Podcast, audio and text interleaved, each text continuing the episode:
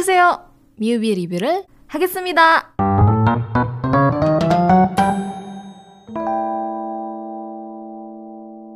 Movie yang hari ini mau aku review judulnya adalah Pon atau dalam bahasa Koreanya tuh judulnya adalah Dumbo.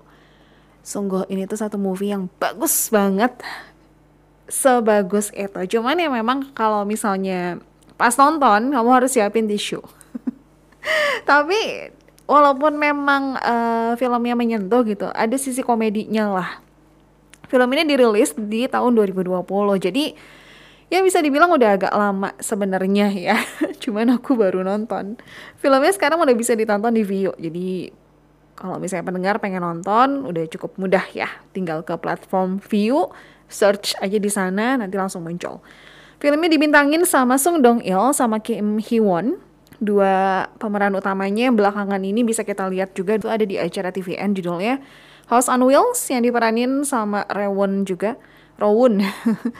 Ini tuh satu acara di mana mereka bertiga biasanya bakalan pergi ke satu tempat terus ada bintang tamu yang datang nanti mereka masak kayak di mobil mobil apa namanya ya mobil semi rumah gitu loh. Itu seru banget. Bukan acara yang apa ya ada perlombaan terus ada kuis gitu-gitunya sih tapi kayak lebih di mana mereka tuh bisa ngobrol sama bintang tamunya. Terus biasanya bintang tamunya itu adalah temen-temennya mereka gitu yang pernah kerja bareng lah gitu. Itu yang bikin serunya. Nah di film Pon atau Dambo ini mereka berdua tuh jadi duo debt collector atau rentenir lah bisa dibilang ya.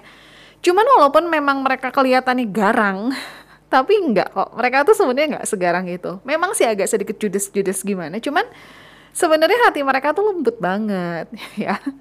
Enggak segarang yang mereka tunjukin gitu.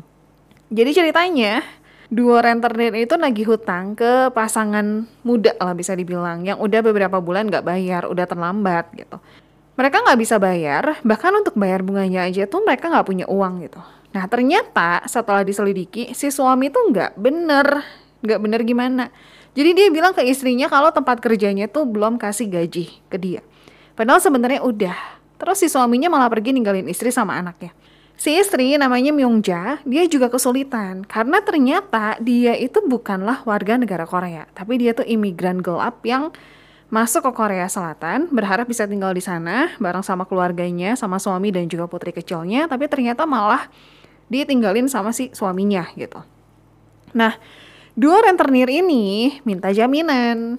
Karena kan dia nggak bisa bayar nih, nggak punya uang juga. Akhirnya ayo kasih jaminan gitu intinya kayak gitu cuman karena udah nggak punya apa-apa si istrinya tuh bilang Myung Jae bilang aku udah nggak punya apa-apa terus mereka tuh ketemu di jalan nggak sengaja nah akhirnya yang diambil adalah satu-satunya anak perempuan yang bernama Seng I yang pada saat itu ibu dan anak ini tuh kayak lagi jalan-jalan sore gitulah atau jalan-jalan siang eh ketemu sama si rentenir dibawa lah Seng I-nya sama si duo rentenir ini Terus yang lucu, Senggi itu galak banget, galak banget. Dia tuh awalnya nyubit gitu, nyubit ya kayaknya, nyubit udah gitu tatapannya tuh sinis banget sama si dua rentenir ini karena Senggi mikirnya mereka berdua tuh mau nyakitin mamahnya gitu. Cuman sesudah Seng nya dibawa sama dua rentenir ini, lucunya lagi si dua rentenir ini tuh ngebeliin cemilan kayak corn dog gitu kali ya Uh, terus sama ngasih gantungan boneka. Jadi di mobil kan biasa di kaca spion yang tengah-tengah tuh ada suka dikasih gantungan kan. Nah, kebetulan di mobil si rentenir ini tuh boneka, tapi memang bonekanya tuh udah lusuh banget gitu.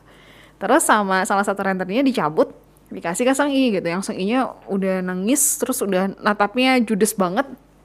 Dikasih dengan harapan mungkin kayak biar ada mainan kali ya biar anteng gitu duduk di belakang dikasih makanan sama dikasih mainan gitu. Kalau aku pikirnya seperti itu. Yang berperan jadi Seng I adalah aktris cilik Pak So I aku udah nonton beberapa dramanya dia dan aktingnya tuh sebenarnya bagus banget bagus. Terus anaknya cantik gemes lah pokoknya gitu Uh, paling gemes sama matanya? Matanya bagus banget. Nah di film ini akting dia bagus banget. Judes judesnya tuh dapet gitu. Terus pas lagi nangis juga dapat banget lah aktingnya uh, apalagi kalau misalnya lagi berantem sama si dua ajusi ini. Lucu banget. Nah Pak Soi itu aku paling berkesan sama aktingnya dia di drama She Will Never Know atau um, judul lainnya tuh Sunbae Don't Put That Lipstick. Jadi ponakannya Rowoon itu lucu banget lihat chemistry mereka berdua.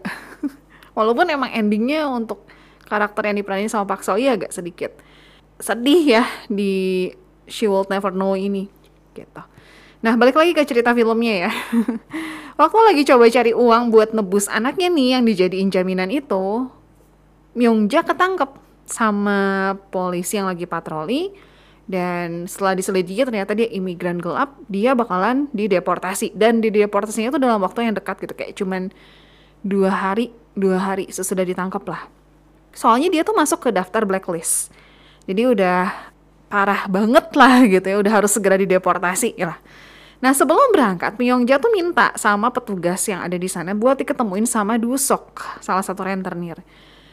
Intinya Myongja bilang kalau nanti pamannya itu bakalan kasih uang ke Dusok ya untuk ngebayar hutang-hutangnya. Terus si pamannya ini juga bakalan ngambil sengi untuk sementara si Myongjanya tuh mau balik ke negara asalnya kan. Nah nanti Seng nya bakal diadopsi, dibilangnya gitu. Bakal diadopsi, pokoknya semuanya diurusin sama pamannya. Udah nih kan, pergilah ya. Terus ada satu adegan yang di mana acting Pak Seo ini juara banget, juara banget itu. Jadi sesudah ketangkep sama si rentenir ini, Sang Yi itu sempat mencoba untuk kabur. Dia coba cari mamahnya dan di scene itu dikasih lihat tempat tinggal Sang Yi sama mamahnya, aduh miris banget, miris banget kayak bukan rumah gitu tapi kantor dan sebenarnya itu kayak kontainer uh, rumah kontainer gitu loh yang ya bukan rumah lah itu karena tempatnya sempit udah gitu lebih banyak meja sama peralatan kantor gitu. Nah, waktu sang i balik ke rumahnya, dia coba ngelakuin rutinitas uh, kayak secret ya rahasia mereka berdua lah gitu antara anak dan mama.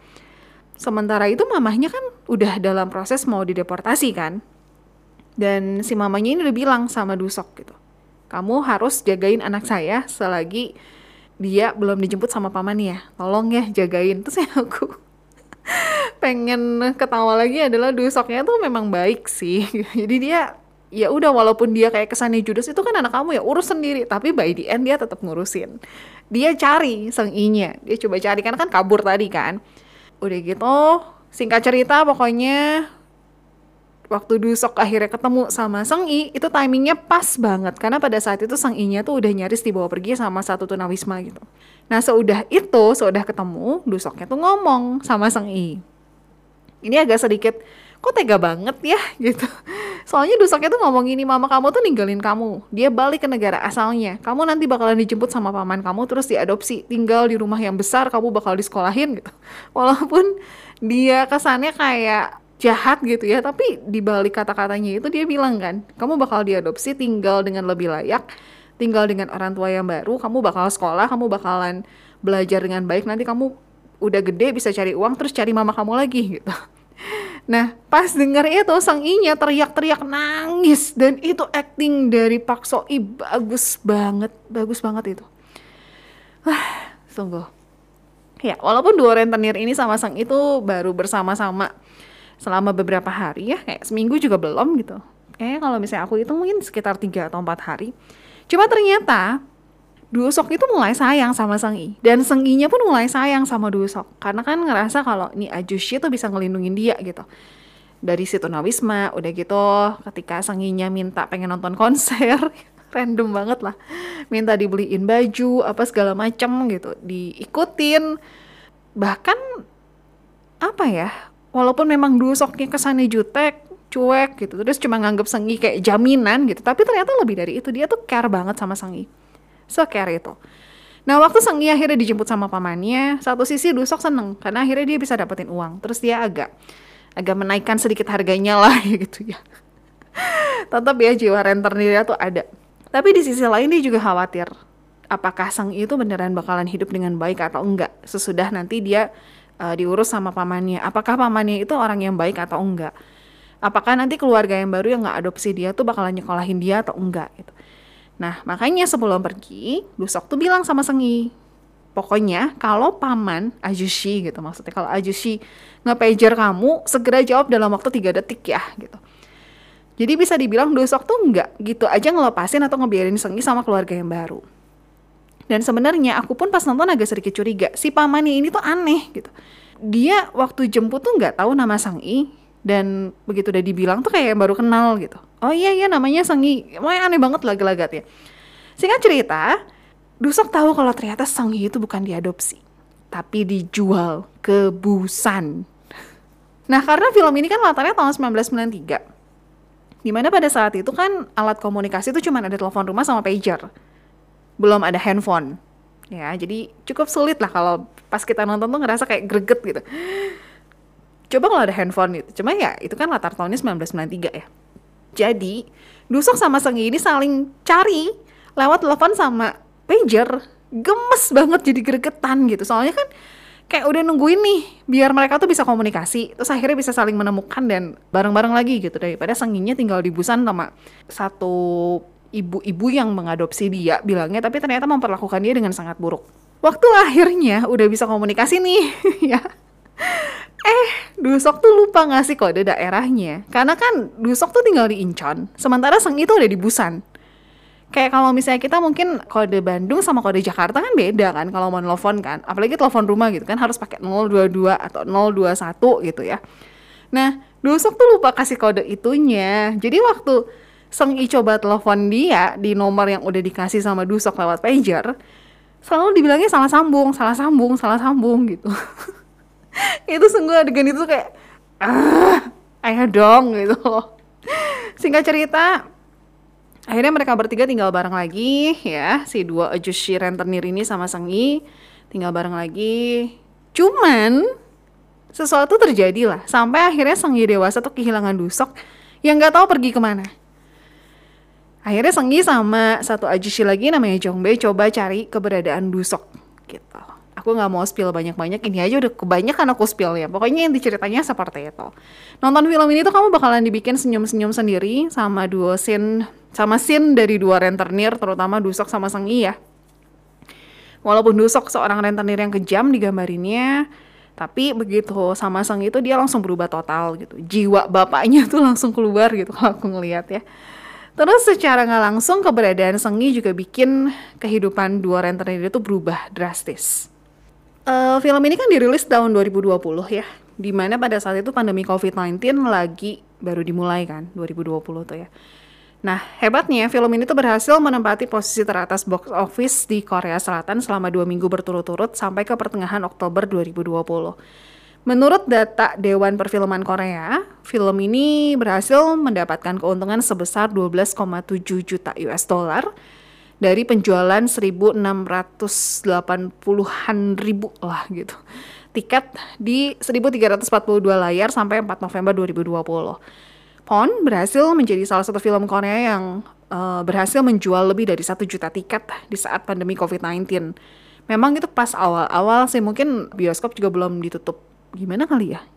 Kayaknya ya 2020 atau 2020 awal kan ya pandemi COVID-19 atau 2000? Sampai lupa loh ya pokoknya itu berhasil jadi salah satu film dengan penjualan yang cukup besar gitu di saat pandemi COVID-19.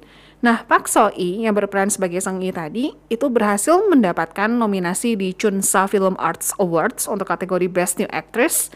Terus dia dapetin penghargaan di Golden Cinematography Awards untuk kategori Best Young Actress karena memang aktingnya sebagus itu. Dan untuk dia bisa dapetin peran sebagai Sengi, dia tuh harus bersaing dengan 300 anak yang lain. Film dengan durasi 113 menit ini disutradarai oleh Kang Dekyo, ditulis oleh Yoon Jae-kyun sama Son Joo-yeon. Produser filmnya adalah Choi Jun-ho dan distributornya adalah CJ Entertainment. In case nanti kamu bingung sama ending film ini, aku kasih sedikit bocoran lah ya. Jadi, ya di film ini dua rentenir yang tadi aku ceritain ada Dusok sama um, satu lagi Jongbe itu selalu manggil Sengi dengan sebutan Dambo yang artinya itu jaminan. Dambo Dambo gitu. Dia nggak pernah manggil Sengi Sengi itu greget sampai dia bilang nama saya tuh Sengi bukan Dambo gitu. Panggil saya Sengi nah Waktu pertama kali awal-awal lah, Seng itu pernah tanya, apa sih dambo? ke si dua ajushi ini? Nah, Dusok jawab, jaminan itu artinya sesuatu yang berharga yang diberikan sebagai janji. Ketika orang tidak bisa melunasi hutangnya, untuk sementara waktu orang itu akan meninggalkan sesuatu sebagai penggantinya. Nah, ketika bunganya semakin besar, jaminan itu menjadi harta yang besar juga. Nah, waktu itu Senggi kecil tuh nanya gitu, oh berarti aku itu adalah harta yang paling berharga untuk Ajushi ya gitu. Dan Senggi dengan polosnya berpikir oh berarti aku ini sesuatu yang berharga buat si Ajushi Ajushinya gitu. Padahal sebenarnya si Ajushinya kan anggapnya jaminan, tapi ya by the end memang Senggi akhirnya jadi satu orang yang sangat amat berharga sekali buat Dusok. Nah waktu kecil Senggi pernah kasih nama Pak Sengbo ke Dusok. Ini tuh gabungan antara nama Pak Dusok sama Sang I. Ya, udah itu aja. Sisanya nonton aja di video ya.